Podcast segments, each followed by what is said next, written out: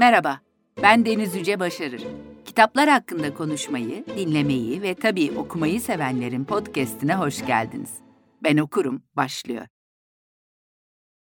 Koca reis gırtlağını temizleyip şarkıya başladı. Gerçekten de kısıktı sesi. Ama hiç de fena söylemiyordu.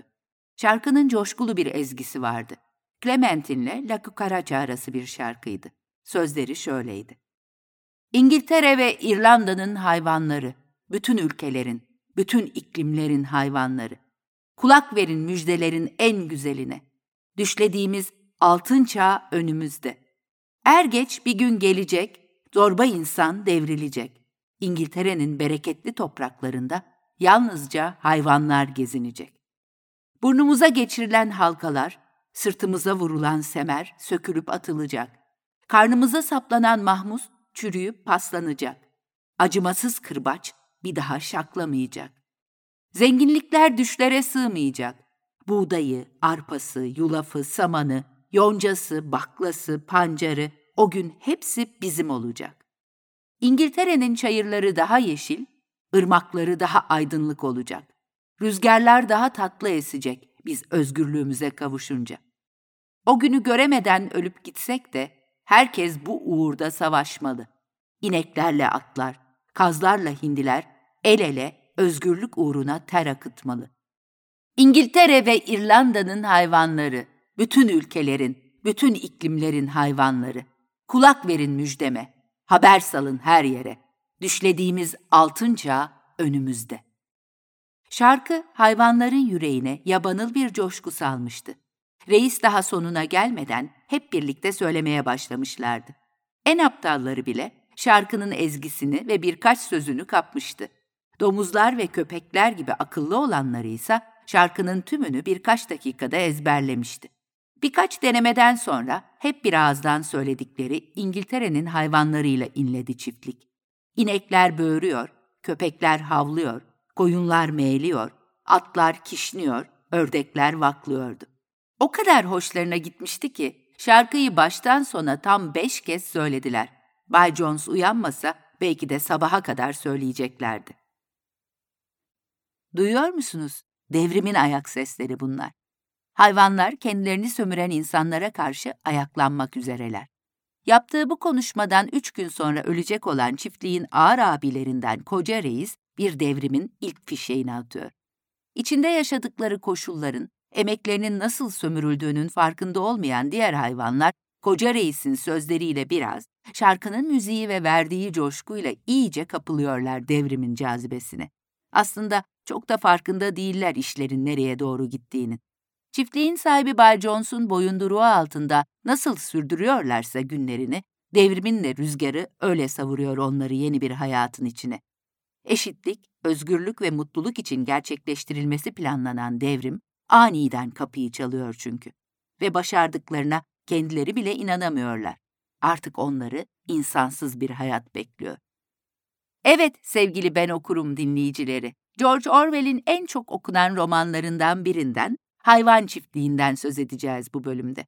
Elbette söz konusu Orwell olunca onun meşhur distopyası 1984'te girecek devreye. Yani anlayacağınız biraz politikada konuşacağız. Tabii yazarın maceralı hayatının izini sürerken yolumuz başka eserlerine de düşecek. 2021 yılı itibariyle teliften düşen kitaplarının ülkemizde birçok değişik yayın evi tarafından sayısız baskısı yapılıyor şu günlerde. Ama ben izninizle kitabı bu süreçten yıllar önce dilimize kazandıran Celal Üster'e uzattım mikrofonu demek isterdim. Ama malum pandemi koşullarından ötürü hala bizzat mikrofonu uzatamıyoruz ancak telefonu tuşluyoruz. Sözün özü, hattın diğer ucunda hayvan çiftliğinin çevirmeni Celal Üster var efendim. Siz George Orwell'in hem meşhur distopyası 1984'ü hem hayvan çiftliğini hem de Selam Olsun Katalonya'yı e, çevirdiniz. E, aslında evet. bu üç kitabın tarzları birbirinden çok farklı. Ama birbirlerinin içinden geçtiklerini söylemek de mümkün sanki. Ne dersiniz? Nasıl bir bağlantı var aralarında? E, tabii aslında Katalonya ile başlıyor. Katalonya'ya selam Hı-hı. ya da selam olsun Katalonya'ya. Tabii o oradaki deneyimi Orwell'in İspanya İç Savaşı'nda oradaki çatışmaları, savaşı yaşaması çok etkili oluyor Orwell üstünde. Hatta o güne kadar ki sosyalizm düşüncesini de biraz yerinden oynatıyor ve farklı bir hale getiriyor dünya görüşünü diyelim. Onun için tabii Katalonya'dan başlayarak hayvan çiftliği ve 1984 birbiriyle bağıntılı kuşkusuz. George Orwell'in 1903 yılında o zamanlar Britanya İmparatorluğu'nun sömürgesi olan Hindistan'ın Bihar eyaletinde başlayan, 1950 yılında sona eren 47 yıllık kısa hayatı kocaman bir macera aslına bakarsanız. İlk kitabı 1933 yılında yayımlanıyor Orwell'in. Adı Paris ve Londra'da beş parasız. Bu başlık bile bize yaşadığı maceralara dair bir ipucu veriyor öyle değil mi? 47 yaşında hayata veda ettiğinde ardında 13 eser bırakan yazarın asıl adı Eric Arthur Blair. Eric bir yaşındayken annesi onu ve ablası Marjorie'yi de alarak Hindistan'dan ana adaya Oxfordshire'a taşınıyor. Babasını kısa bir ziyaret dışında 1917 yılına yani 14 yaşına gelene kadar görmüyor Eric. Zaten 1911-1916 yılları arasında nefret ettiği bir yatılı okulda geçiriyor. Bu yıllarda şiir okumaktan ve yazmaktan hoşlanan çocuğun ideali H.G. Wells tarzı romanlar yazmak. Eton Kolej'e burslu olarak girmeyi başardığında orada ders veren Aldous Huxley ile de tanışma fırsatı buluyor. Ancak üniversitede kendini mutlu hissetmesine, kolejin dergisi için yoğun çalışmasına rağmen akademik olarak pek başarılı olduğu söylenemez Eric Blair'in. Yani George Orwell'in. Her ne kadar bu yaşlarda henüz adını değiştirmemiş olsa da biz artık ona bildiğimiz adıyla seslenelim. Yoksa kafamız karışacak. Ailesi yeni bir burs kazanamayacağını göz önüne alarak onun imparatorluğun polis teşkilatına katılmasına karar verir. 1921 yılında Eton'daki eğitimini bırakan Orwell, polis teşkilatının giriş sınavlarını kazanacak ve kendi arzusuyla Burma'da görev alacaktır. Çünkü anneannesi bu bölgede yaşamaktadır. Burma yıllarını daha çok okuyarak ve içe dönük geçirecektir Orwell. 1927 yılında Dan kummasına yakalanınca izin alıp İngiltere'ye döner. Ancak bu dönüş hayatını yeniden gözden geçirmesine sebep olacak ve onu yeni bir dönemin eşiğine getirecektir. İşinden ayrılır, Burma'ya geri dönmez. Artık kendini yazmaya adayacaktır. Polis teşkilatında geçirdiği yaklaşık 6 yıllık dönemde yaşadıkları Yıllar sonra 1934 yılında yayımlanan Burma Günleri adlı romanında kendini gösterecektir. Aynı yıl hayatı keşfetmek üzere Londra'ya taşınır Orwell. Bir aile dostlarının yardımıyla kendine meşhur Portobello Road'da bir oda tutar. Orta sınıf bir gencin sıradan hayatından vazgeçip bir evsiz kılığına bürünen genç adam, bu keşiflerinde Londra'nın en yoksul semtlerini dolaşacak, gözlemlerinde özgür olabilmek için o güne kadar benimsediği tüm sosyal kuralları bir tarafa bırakacak, adeta hayattan malzeme toplayacaktır. 1928 yılında Paris'e geçer. Orada da işçi sınıfının yaşadığı bir mahalleyi seçer kendine. Gözlemler sürmektedir. Tabii bu arada yazmayı da sürdürmektedir. Burma günleri üzerine çalışmaktadır. Ancak bu dönemde yazdıklarından geriye pek bir şey kalmayacaktır. Gazetecilik konusunda daha başarılı olduğu yıllardır bunlar. İçlerinde Le Monde'un da olduğu çeşitli dergi ve gazetelerde makaleleri yayımlanır. Yazdıklarının odağında hep yoksulluk vardır. 1929 yılında hastalandığı için yattığı hastaneye bile bu açıdan bakacak, yıllar sonra yazdığı bir makalede hastanenin adını vermeden oradaki zorlu koşulları anlatacaktır. Makalenin başlığı çarpıcıdır. Yoksul nasıl ölür? Paris günlerinde hastaneden çıktıktan sonra parası çalınınca çeşitli önemsiz işlerde çalışır Orwell. Örneğin büyük bir otelin mutfağında bulaşıkçılık yapar. Bu tercihleri ihtiyaç mı belirler yoksa yazacaklarına malzeme mi aramaktadır bilinmez ama başta da dediğimiz gibi macera onun göbek adıdır. Eric ya da George, Blair ya da Orwell ama en çok Mr. Adventure, Bay Maceradır o. Hep yoksulun ve hakkı yenenin yanında yer aldığı bu olağanüstü hayat deneyimlerinde sınır tanımamayı kendine ilke edinmiştir adeta. İki yıllık Paris serüveninin ardından İngiltere'ye ailesinin yanına dönen Orwell, bundan sonraki beş yıl boyunca çoğunlukla anne babasının Southwold'daki evinde kalacak ama bir yandan normal bir aile yaşantısı sürdürürken, diğer yandan Londra'da benimsediği evsiz ve hırpani kimliğine bürünmeyi de ihmal etmeyecektir. Ha söylemeden geçmeyelim, bu kimliğe verdiği bir isim de var. Kendini P.S. Burton olarak tanıtır bu gölge hayatında. Yollara düşüp batakhanelerde, yoksul evlerinde, sığınak ve barınaklarda evsiz Bay Burton olarak dolaşırken aile evinde sessiz sakin bir yazardır. Sefalet içinde geçirdiği bu günler 1935'te yayımlanacak olan Papazın Kızı adlı romanının bazı bölümlerine de nüfus edecektir. Bu arada artık Adelphi dergisinde sürekli olarak yazıları yayımlanmaktadır. Dergilerde yayınlanan yazıları ve bazı dostları sayesinde 1931 yılında ilk edebiyat ajanı Leonard Moore'la tanışır. Paris ve Londra'da beş parasızın ilk versiyonu Faber Faber'a sunulur. Ancak o zamanlar yayın evinin baş editörü olan T.S. Eliot tarafından reddedilir. Orwell'in 1931 yılının kapanışını yapmak için özel bir arzusu vardır. Kendini zorla hapse attırır. Noel zamanını hapishane ortamında yaşamak istemektedir. Dedim size, yazarımızın gözlem uğruna attığı her adım bir macera. Ancak yetkililer bu sarhoşu orada tutmak istemezler ve evine gönderirler. Eh, bazen de evdeki hesap çarşıya uymaz Bay Macera. 1932-1934 yılları arasında lisede öğretmenlik yapan Orwell için bu dönem çeşitli açılardan çok önemlidir.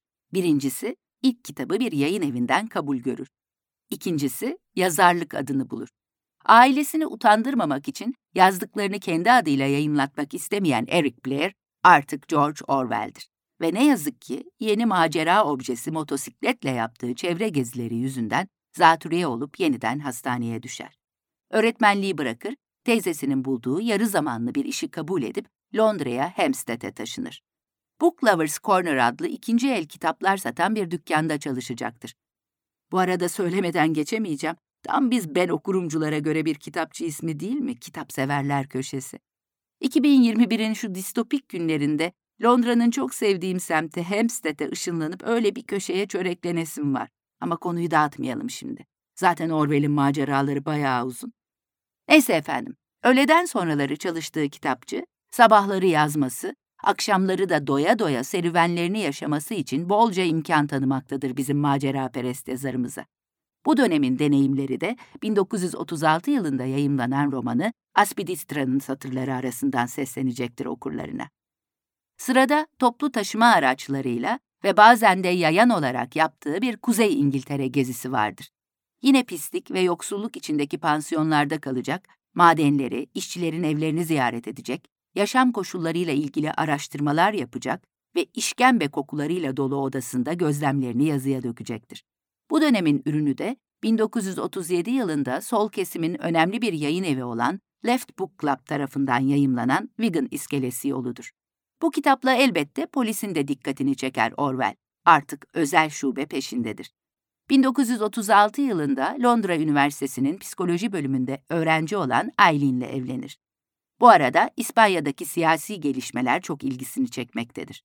General Franco'nun askeri darbeyle yönetime gelmesinin ardından başlayan iç savaş kuvvetle İspanya'ya çağırmaktadır Orwell'i. Tahmin edebileceğiniz gibi bu çağrıya kulak vermemesi mümkün değildir bizim macera adamının. Ve 1936 yılının Aralık ayında faşizme karşı savaşmak için yola çıkar. İspanya hayatının dönüm noktası olacaktır. 1938 yılında yayımlanan kitabı Selam Olsun Katalonya'ya da anlattığı gibi Cumhuriyet cephesindeki bölünmeler, cephane ve teçhizattaki eksiklikler ve kafasındaki sosyalizm fikrinin parçalanışı İngiltere'ye geri kaçmasına neden olur yazarın. Aslında bu arada boynundan vurulmuş, bir süreliğine sesini de kaybetmiştir. İspanya İç Savaşı'nda yaşadıklarını yazma fikri yayıncılar tarafından pek hoş karşılanmaz. O da kendine keçiler, bir horoz ve bir kaniş yavrusu alarak hayvancılığa başlar. Ama elbette yazmaktan vazgeçmez. Horozuna Henry Ford, köpeğine Marx adını verdiğini de belirtmeden geçmeyelim. Aslında İspanya deneyimlerini yazmaktadır bu sırada ama sanki bu hayvan dostların kazandığı kimliklerle hayvan çiftliğine hazırlanmaktadır yazar. Sonunda Selam olsun Katalonya'ya yayımlanır ama mümkün olduğunca gözlerden uzak tutulur. Hatta Amerika'da 1952 yılına kadar hiç baskısı yapılmaz. Ne de olsa Orwell ajan damgası da yemiştir İspanya'da. Bu kitabın tek bir çevirisini görebilir dünya gözüyle. O da 1948 yılındaki İtalyanca baskısıdır. İkinci Dünya Savaşı patlak verdiğinde George Orwell'in eşi Eileen, Haber Alma Bakanlığı'nın sansür bölümünde çalışmaya başlar. Yazar da bu sırada cepheye gitmek istemektedir. Ama ciğerlerindeki rahatsızlık yüzünden orduya alınmaz. Ancak ta 1941'de savaşla ilintili bir iş bulacak, BBC'nin Doğu servisinde çalışmaya başlayacaktır.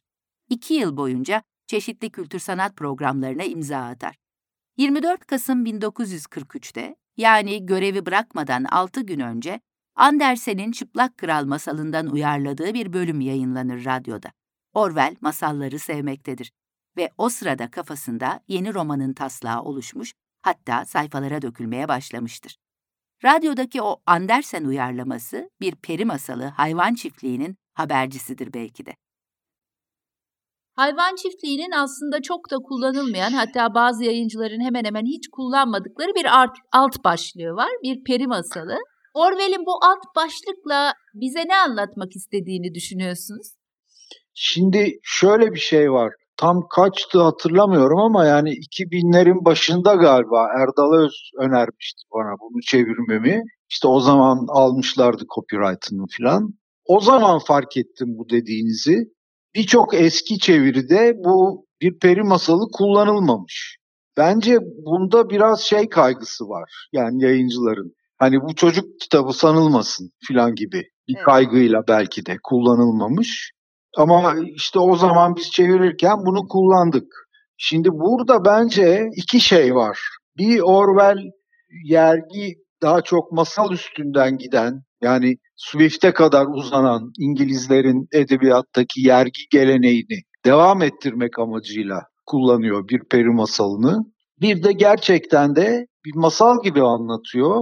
Mesela hayvan çiftliği bence bu tür kitaplar vardır. Ne bileyim mesela Küçük Prens geliyor aklıma Saint-Exupéry'nin. İşte Define Adası geliyor Stevenson'ın. Alice Harikalar Diyarı'nda geliyor Lewis Carroll'ın. Yani 7'den 70'e okunan kitaplar diyelim kabaca.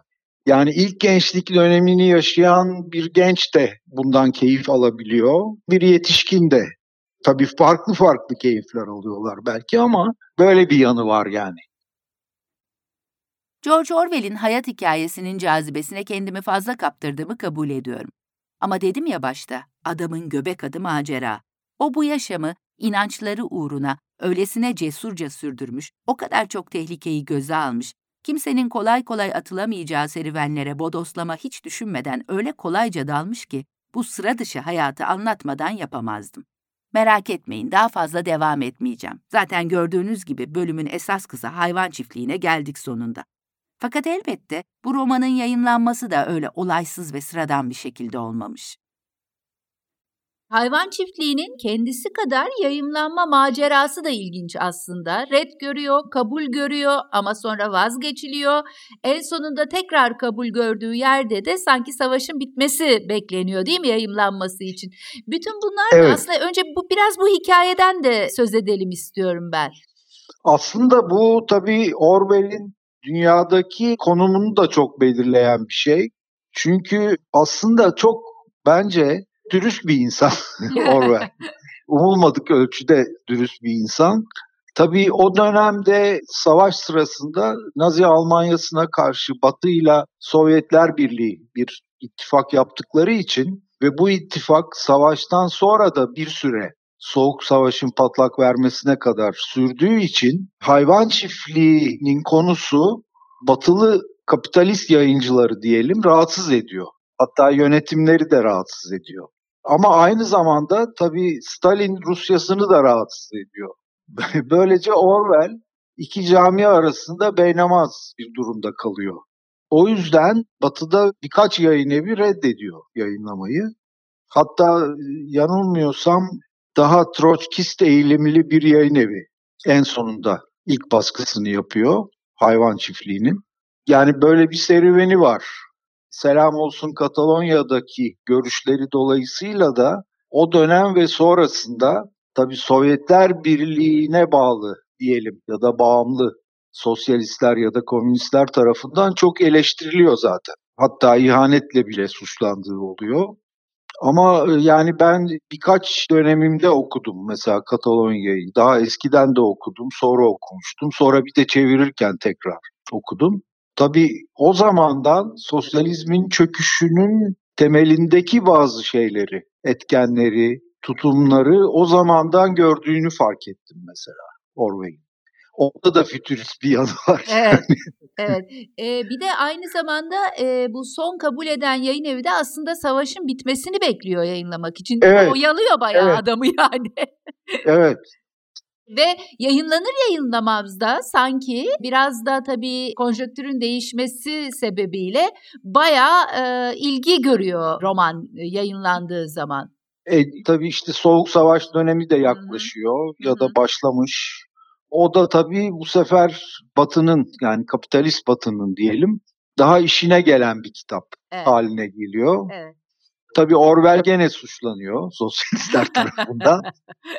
Ama yani bence bunun kanıtı aradan bu kadar yıl geçtikten sonra hala bu kitabın hani giderek bir klasiğe dönüşmesi Evet. ve hala büyük bir ilgiyle okunması ve bize çok şey hatırlatması ve öğretmesi. Jesse ve Bluebell hasattan hemen sonra yavrulamışlar, dokuz sağlıklı yavru dünyaya getirmişlerdi. Yavrular sütten kesilir kesilmez Napolyon eğitimlerini kendisinin üstleneceğini söyleyerek onları analarından ayırmıştı.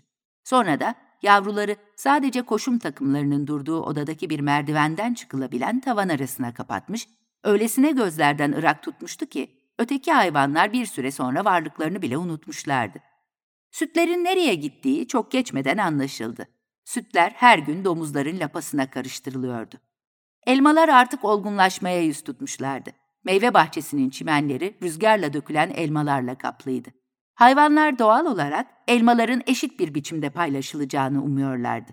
Oysa bir gün ağaçlardan dökülen tüm elmaların toplanması ve koşum takımlarının durduğu odaya getirilerek domuzlara teslim edilmesi buyuruldu. Bazı hayvanlar homurdandıysa da bir yararı olmadı. Bütün domuzlar, Snowball'la Napolyon bile bu konuda aynı düşüncedeydiler. Öteki hayvanlara gerekli açıklamaları yapmakla görevlendirilen Squealer, ''Yoldaşlar!'' diye haykırdı. ''Umarım biz domuzların bunu bencilliğimizden, ayrıcalık düşkünlüğümüzden yaptığını sanmıyorsunuzdur. Aslında çoğumuz süt ve elmadan hoşlanmayız. Ben de hoşlanmam. Bu elmalara el koymamızın tek bir amacı var. O da sağlığımızı korumak. Sütte ve elmada domuzların sağlığı açısından kesinlikle gerekli olan bazı maddeler var. Bilim bunu kanıtlamıştır yoldaşlar. Biz domuzlar düşün emekçisiyiz. Bu çiftliğin tüm yönetim ve düzeninden biz sorumluyuz. Gecemizi gündüzümüze katarak sizin sağlığınızı koruyoruz. Bu sütleri sizin uğrunuza içiyor, bu elmaları sizin uğrunuza yiyoruz. Biz domuzlar görevimizi gereğince yerine getiremezsek ne olur biliyor musunuz? Jones geri gelir. Evet, Jones geri gelir. Bundan en küçük bir kuşkunuz olmasın yoldaşlar. Sonra da oradan oraya sıçrayıp kuyruğunu oynatarak bağırdı. Aranızda Jones'un geri gelmesini isteyen tek bir hayvan yoktur sanırım. Aslında hikaye, hayvan çiftliğindeki hikaye hayvanların Mr. Johnson çiftliğini ele geçirmeleriyle başlıyor.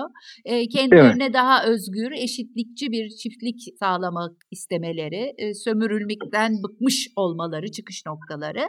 E, burada Evet. tabii Orwell 1917 Rus devrimine bir gönderme yapıyor. Bunu artık hepimiz biliyoruz. E, Evet. romanda aslında bir kim kimdir yapmak bile mümkün e, bir yandan. E, hatta Evet. ta bu koca reisin aslında romanın başında konuşmasını Hı hı. yapıp sonra hayattan ayrılan koca reisin devrimi ateşleyen konuşmasından başlayarak şöyle bir küçük kim kimdir yapalım mı? Olur. Yani Napolyon'dan Şimdi başlayabiliriz. böyle tam tam hatırlamıyorum ben ama böyle bir iki isim arada girerim. tamam tamam. Napolyon'dan başlayabiliriz. Aslında koca reisten başlayalım. Koca reis e, Yani koca reis işte büyük olasılıkla Karl Marx herhalde. Napolyon'un Stalin olduğu söyleniyor. söyleniyor. Snowball. Snowball vallahi kim olabilir? Ben pek düşünmedim böyle açıkçası. evet. Snowball'un da Troçki ile e, bir ilintisi Evet. oluyor mu? Yanılıyor muyum? Evet, evet kuruluyor tabii. Şimdi burada mesela ilginç bir hikaye geliyor aklıma. Bu da tabii aslında Orwell'in kişiliğini, karakterini çok iyi yansıtan bir hikaye ya da bir anekdot Hmm. diyelim. Çünkü orada bir sahne var. Şey bombalanıyor hayvanların çiftliği ve işte herkes saklanıyor, karşılık veriyor filan. O sırada Napolyon yani Stalin diyelim böyle bir masanın ya da bir şeyin altına saklanıyor hemen kendini atıyor. Fakat kitap matbaadayken Orwell Paris'te. Orada bir Rus'la tanışıyor. Yani Sovyetler Birliği'nden gelmiş bir Rus'la karşılaşıyor ve Stalin konusu açılıyor tabii. Adam Stalin'e karşı olmakla birlikte İkinci Dünya Savaşı'nda çok önemli bir cesaret gösterdiğini Stalin'in anlatıyor. Ve ertesi gün sanıyorum Orwell hemen yayıncısını arıyor ve o sahnedeki şeyi değiştirtiyor. Yani Napolyon gidip masanın altına saklanmıyor. yani Orwell'in aslında ne kadar dürüst bir insan olduğunu gösteriyor aslında. Çeviriye yazdığım ön sözde de söylemiştim ya da söylemeye çalışmıştım. Özellikle romanın son sahnesi yani insanların kaldığı çiftliktekilerle, orayı yöneten insanlarla diyelim. Artık hayvan çiftliğinde iktidarı tamamen ele geçirmiş ve değiştirmiş olan domuzlar bir masa etrafında buluşurlar. İçki içerler ve işte oyun oynarlar, kağıt oynarlar. Diğer hayvanlar da gelip pencereden bunu izlerler. İçeride olup bitenleri. Fakat izlerlerken içerideki insanların yüzleriyle domuzların yüzleri birbirine karışmaya ve birbirine benzemeye başlar. Bence Orwell'in bütün anlattığının özü de oradadır. Yani iki tarafı da eleştiren bir kitaptır aslında. Evet. Hayvan çiftliği. Aslında e, bütün bu hani kim kimdirleri bir tarafa e, bırakacak olursak bütün bu tarihi göndermeleri hikayenin güçlü tarafı aslında insanoğlunun iktidarla e, ilişkisini ve e, yönetilen tarafın da sürü psikolojisi ya da işte farklı olma e, özgüveni evet. e, meselesi arasında gidip gelmesini anlatması herhalde değil mi? Esas yetkinliği de oradan kaynaklanıyor hayvan tabii. Tabii. Yani iktidarın giderek yozlaşması. İspanya'da yaşadıkları George Orwell'e komünizmle ilgili eleştirel bir bakış açısı kazandırmıştı. 1917 Rus devrimini ve Stalinist dönemi bir çiftlik alegorisiyle anlatan hayvan çiftliğinde insanlardan kurtuldukları için daha adaletli bir hayata kavuşacaklarına inanan hayvanların, domuzların diktatörlüğünde eskisinden de beter bir duruma düşmelerine tanık oluruz. Çiftliğin ilk sahibi Mr. Jones'un çarı, domuzların lideri diktatör Napolyon'un Stalin'i, onun çeşitli dalaverelerle ortadan kaldırdığı diğer lider ve kahraman domuz Snowball'un Troçki'yi sembolize ettiği söylenen hikayede, elbette halkı temsilen de çeşitli hayvanlar boy gösterir. Örneğin çok çalışan ve hep daha çok çalışması gerektiğine inanan, yönetime körü körüne güvenen Beygir Boxer'ın sonu hiç de iç açıcı olmayacaktır. Koyunlarsa kendilerine söylenen her yalanı olduğu gibi kabul edip üzerine hiç düşünmeden hep aynı nakaratı tekrarlayıp dururlar. Dört ayak iyi, iki ayak kötü. Skiller ise her daim yönetimin borazanını çalan, halkı kandırmak için büyük bir maharetle yalanlar uyduran propaganda sorumlusudur. Düzeni sağlayan yedi emir gitgide şekil değiştirip başlangıçtaki eşitlikçi halinden sıyrıldığında bile hayvanlardan hiçbiri tam anlamıyla sorgulamaz neler olup bittiğini. Skiller her seferinde onları kandırmanın bir yolunu bulacaktır zaten. Domuzlar tüm kuralları kendi çıkarları için istedikleri gibi eğip bükecekler, gün gelecek devrimin ateşleyicisi İngiltere'nin hayvanları şarkısını bile tehlikeli bulacaklardır. Eh burada da Komünist Enternasyonel Marşı'nı hatırlamamak mümkün değil sanırım. Hayvan çiftliğinin geçirdiği değişimin iki temel metni var e, bu değişimi simgeleyen. Biri İngiltere'nin hayvanları şarkısı, diğeri de Yedi Emir. İkisinin e, hikayedeki önemi hakkında ne düşünüyorsunuz? Vallahi şimdi o şeyde mesela şarkıda tabii şey var. Bugüne uyarlayacak olursak ulusalcı bir evet. yanı da var. Öbüründe ise işte artık iktidar gelmiş. İktidarın şarkısı çıkıyor ortaya. Yedi emirle birlikte. Evet. Hı hı. İkisi de e, iktidar güçlendikçe ve kabuk değiştirdikçe e, o metinler de değişiyor. ha tabii. Tabii yani uygulaması değişiyor özellikle.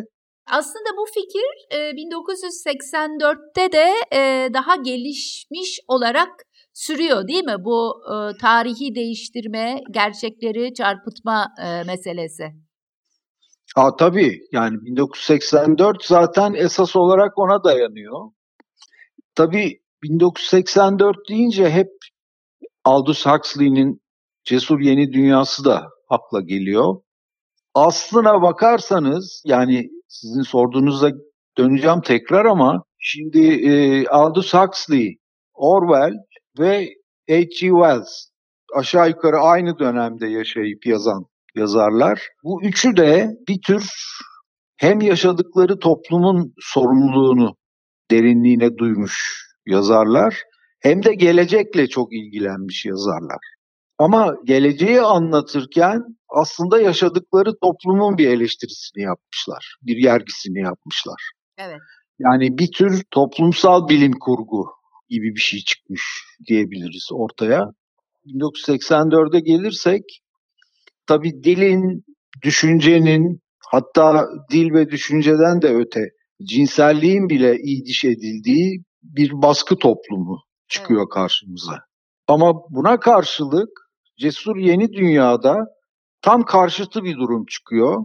Toplum yani gene diktatörlük söz konusu fakat her türlü sanki özgürlük ve zevk insanlara tanınıyormuş gibi. Adeta edonist bir toplum yaratılıyor ve böylece 1984'teki gibi insanlara işkence ederek doğrudan bastırarak değil insanları yumuşatarak direncini kırmak ve uzlaşıcı bireyler haline getiren bir iktidar çıkıyor ortaya.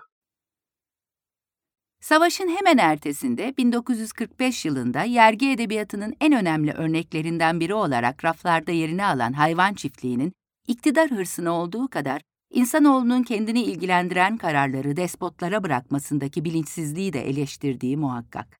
Olup bitenlere gözlerini yummayı tercih eden kocaman bir çiftlik var karşımızda. Orwell, Franco, Stalin ya da Hitler'i anlatmaz sadece. İnsanoğlundan söz eder tüm zaaflarıyla.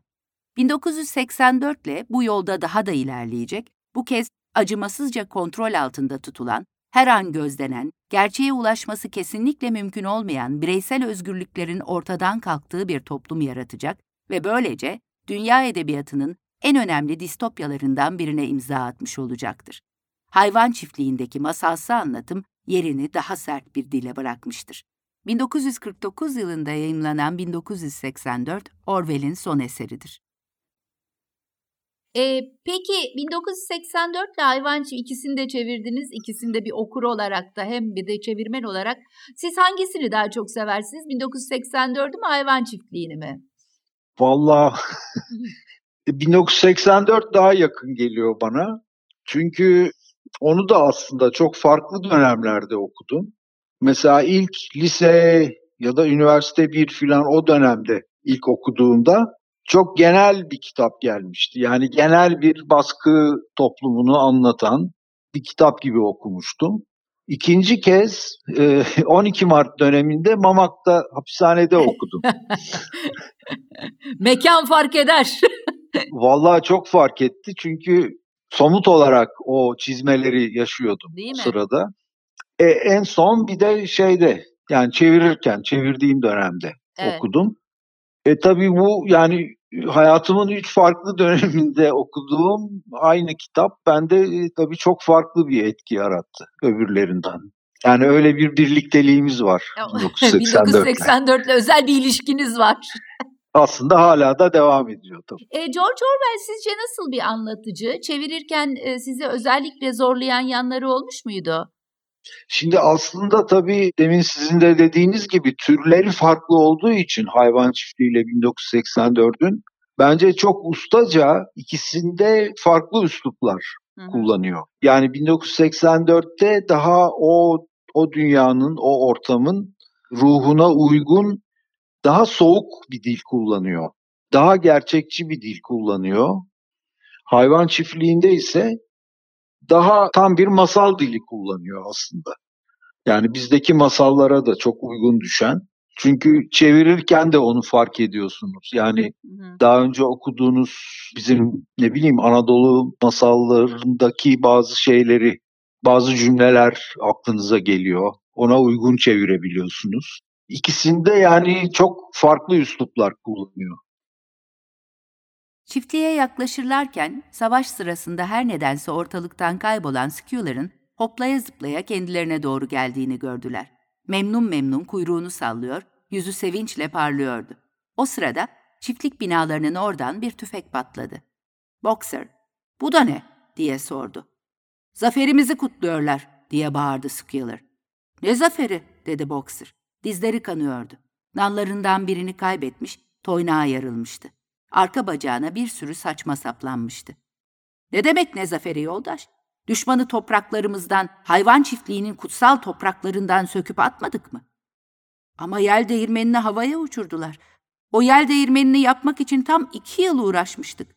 Boş ver aldırma, yenisini yaparız. Canımız isterse altı yel değirmeni daha yaparız. Ne kadar büyük bir iş başardığımızın farkında değilsin galiba yoldaş. Şu üzerinde durduğumuz topraklar az önce düşman elindeydi. Oysa şimdi her bir karışını geri aldık. Napolyon yoldaşın önderliği sayesinde tabii. Demek zaten bizim olanı geri almışız, dedi Boxer.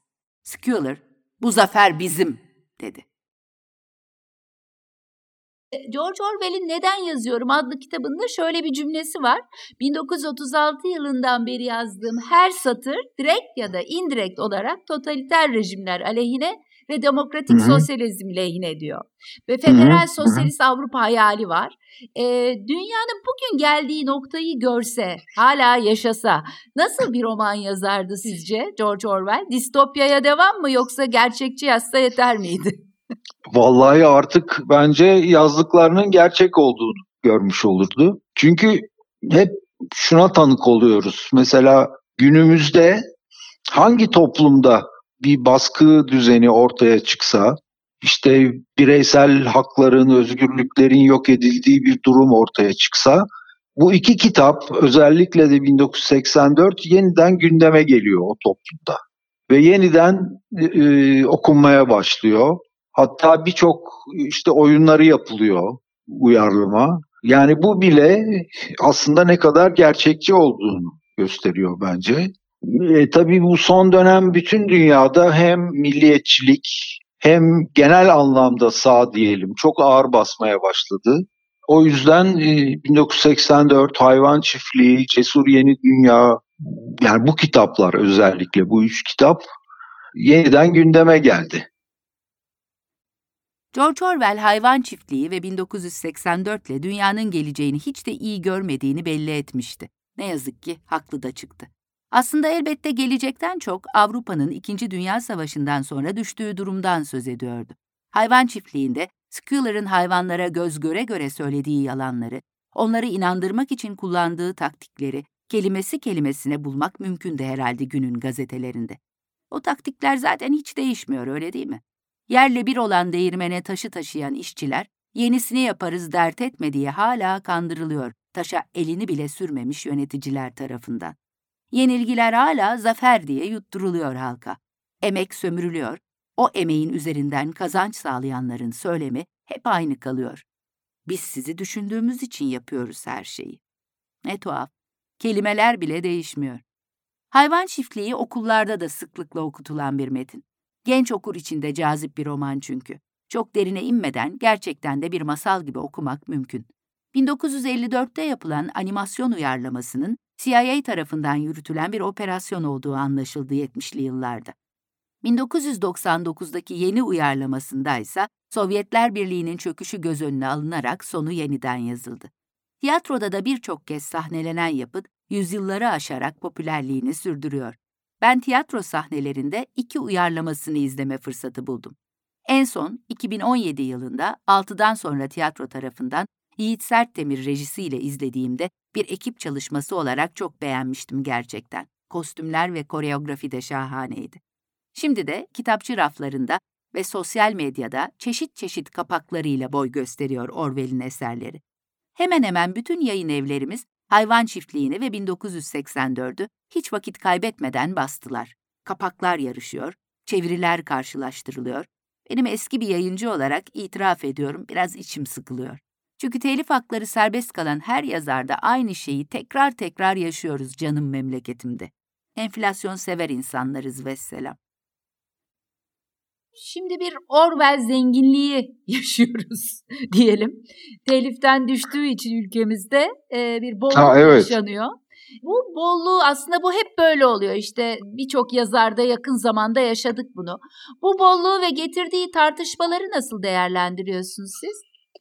Şimdi şöyle söyleyeyim. Tabii bu şeyde de yaşandı. Sabahattin Ali'de evet. yaşandı. Bu sene aslında şey Orhan Veli'nin de copyright'ı doldu. Şimdi orada da herhalde yaşanıyor. Birçok yayın evi evet. işte basıyor. Şöyle söyleyeyim şimdi bu bir kere hukuki olarak bir hak tabii. İşte yazarının ölümünün üstünden 70 yıl geçince kamuya mal oluyor artık bu kitaplar. O yazarın yapıtları diyelim. Bu tabii ki herkes basmakta serbest.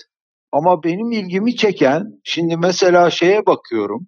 Amerika Birleşik Devletleri'ndeki yayıncılara bakıyorum, İngiltere'dekilere bakıyorum. Kimse bu kadar üstüne üşüşmedi bu kitapların. Yani asıl yayınlandığı yer diyelim coğrafya. Ama böyle bir şey olmadı. Bizde ise en küçük yayın evlerinden en büyük hatta bankaların yayın evlerine kadar diyelim bu kitapları bastılar. Ama ben şunu beklerdim bir katkıda bulunmak. Yani bu kitapların yayıncılığına bir katkıda bulunmak. Örneğin bir edisyon kritik yayınlamak, bir eleştirel baskı hazırlamak ya da önemli yorumcuların, eleştirmenlerin ön sözleriyle yayınlamak. Ne bileyim. Yani farklı basımlar yapmak çok şey katardı. Bu çevirilerle ilgili de tartışmalar oldu. Onları nasıl değerlendiriyorsunuz? Şimdi tabii yorum farkı olması normal. Mesela diyelim ben biraz daha rahat çeviriyorum. Biraz daha serbest. Tabii Can Yücel düzeyinde değil ama e, daha evet daha yorumlayarak da denebilir. Daha rahat denebilir. Ama başka bir çeviri tarzı daha sadık kalmayı tercih edebilir. Ama bence işte ne kadar sadık kalırsanız Türkçeniz de çok sağlam değilse eğer ortaya kötü bir Türkçe çıkıyor bence. Çünkü iki dilin yapısı farklı. Diyelim İngilizce'deki cümleyi birebire yakın çevirdiğiniz zaman Türkçe'de iyi bir cümle çıkmıyor ortaya. Bir de tabii şimdi o açıkçası biraz acemice bir karşılaştırma yaptılar bir sitede. Yani neyse. O da bir yayın evine bağlı yakın bir site zaten. Aslında çok acemice bir şey yaptılar ve okuru yani çeviriye çok hakim olmayan, çeviri kavramına diyelim, çok hakim olmayan okuru kötü niyetle yanlış yönlendiren bir şey yaptılar bana sorarsan. Jonathan Swift'in 18. yüzyılda kaleme aldığı Gulliver'in Gezileri Orwell'in en sevdiği kitaplardan biriymiş biliyor musunuz? Edebiyat nasıl bir matruşka bebeği değil mi? Eserler eserleri besliyor, yazarlar yazarları. Gulliver'in son gezisinde gittiği diyarın asil atlar tarafından yönetildiğini hatırlayanlarınız vardır. Gulliver onlara insanların gereksiz hırslarını, hiç yoktan çıkardıkları savaşları anlatır ve onların iyi niyetine hayran olarak hep yanlarında kalmak ister. Ama mümkün olmayacaktır bu. Asil atlar onu kendi memleketlerine geri gönderirler. Belki Orwell insanları alaşağı edip hayvanları yönetime getirerek Gulliver'in hayalinin izini sürmüştür hayvan çiftliğinde kim bilir. Ama acı gerçekten kaçmak mümkün olmayacaktır. İktidar hayvanları bile kirletir. Bu bölümün esas kızı hayvan çiftliğini tekrar okurken 2001 yılından beri süren can yayınları baskısını tercih ettim. Malum çevirmeni bölüm konuğumuzda olan Celal Üster'di. Tıpkı 1984 ve Katalonya'ya selam olsunun çevirmeni olduğu gibi. Bölümde sözüne ettiğimiz Burma günlerini Deniz Can Efe, Papazın Kızı ve Paris ve Londra'da Beş Parasızı Berrak Göçer, Aspidistra'yı Şemsaye'in, Vegan iskelesi yolunu Levent Konca çevirileriyle yine can yayınlarından bulmak mümkün. Ama daha önce sözünü ettiğimiz gibi artık birçok yayın evinin listesinde herhangi bir Orwell kitabına rastlayabilirsiniz.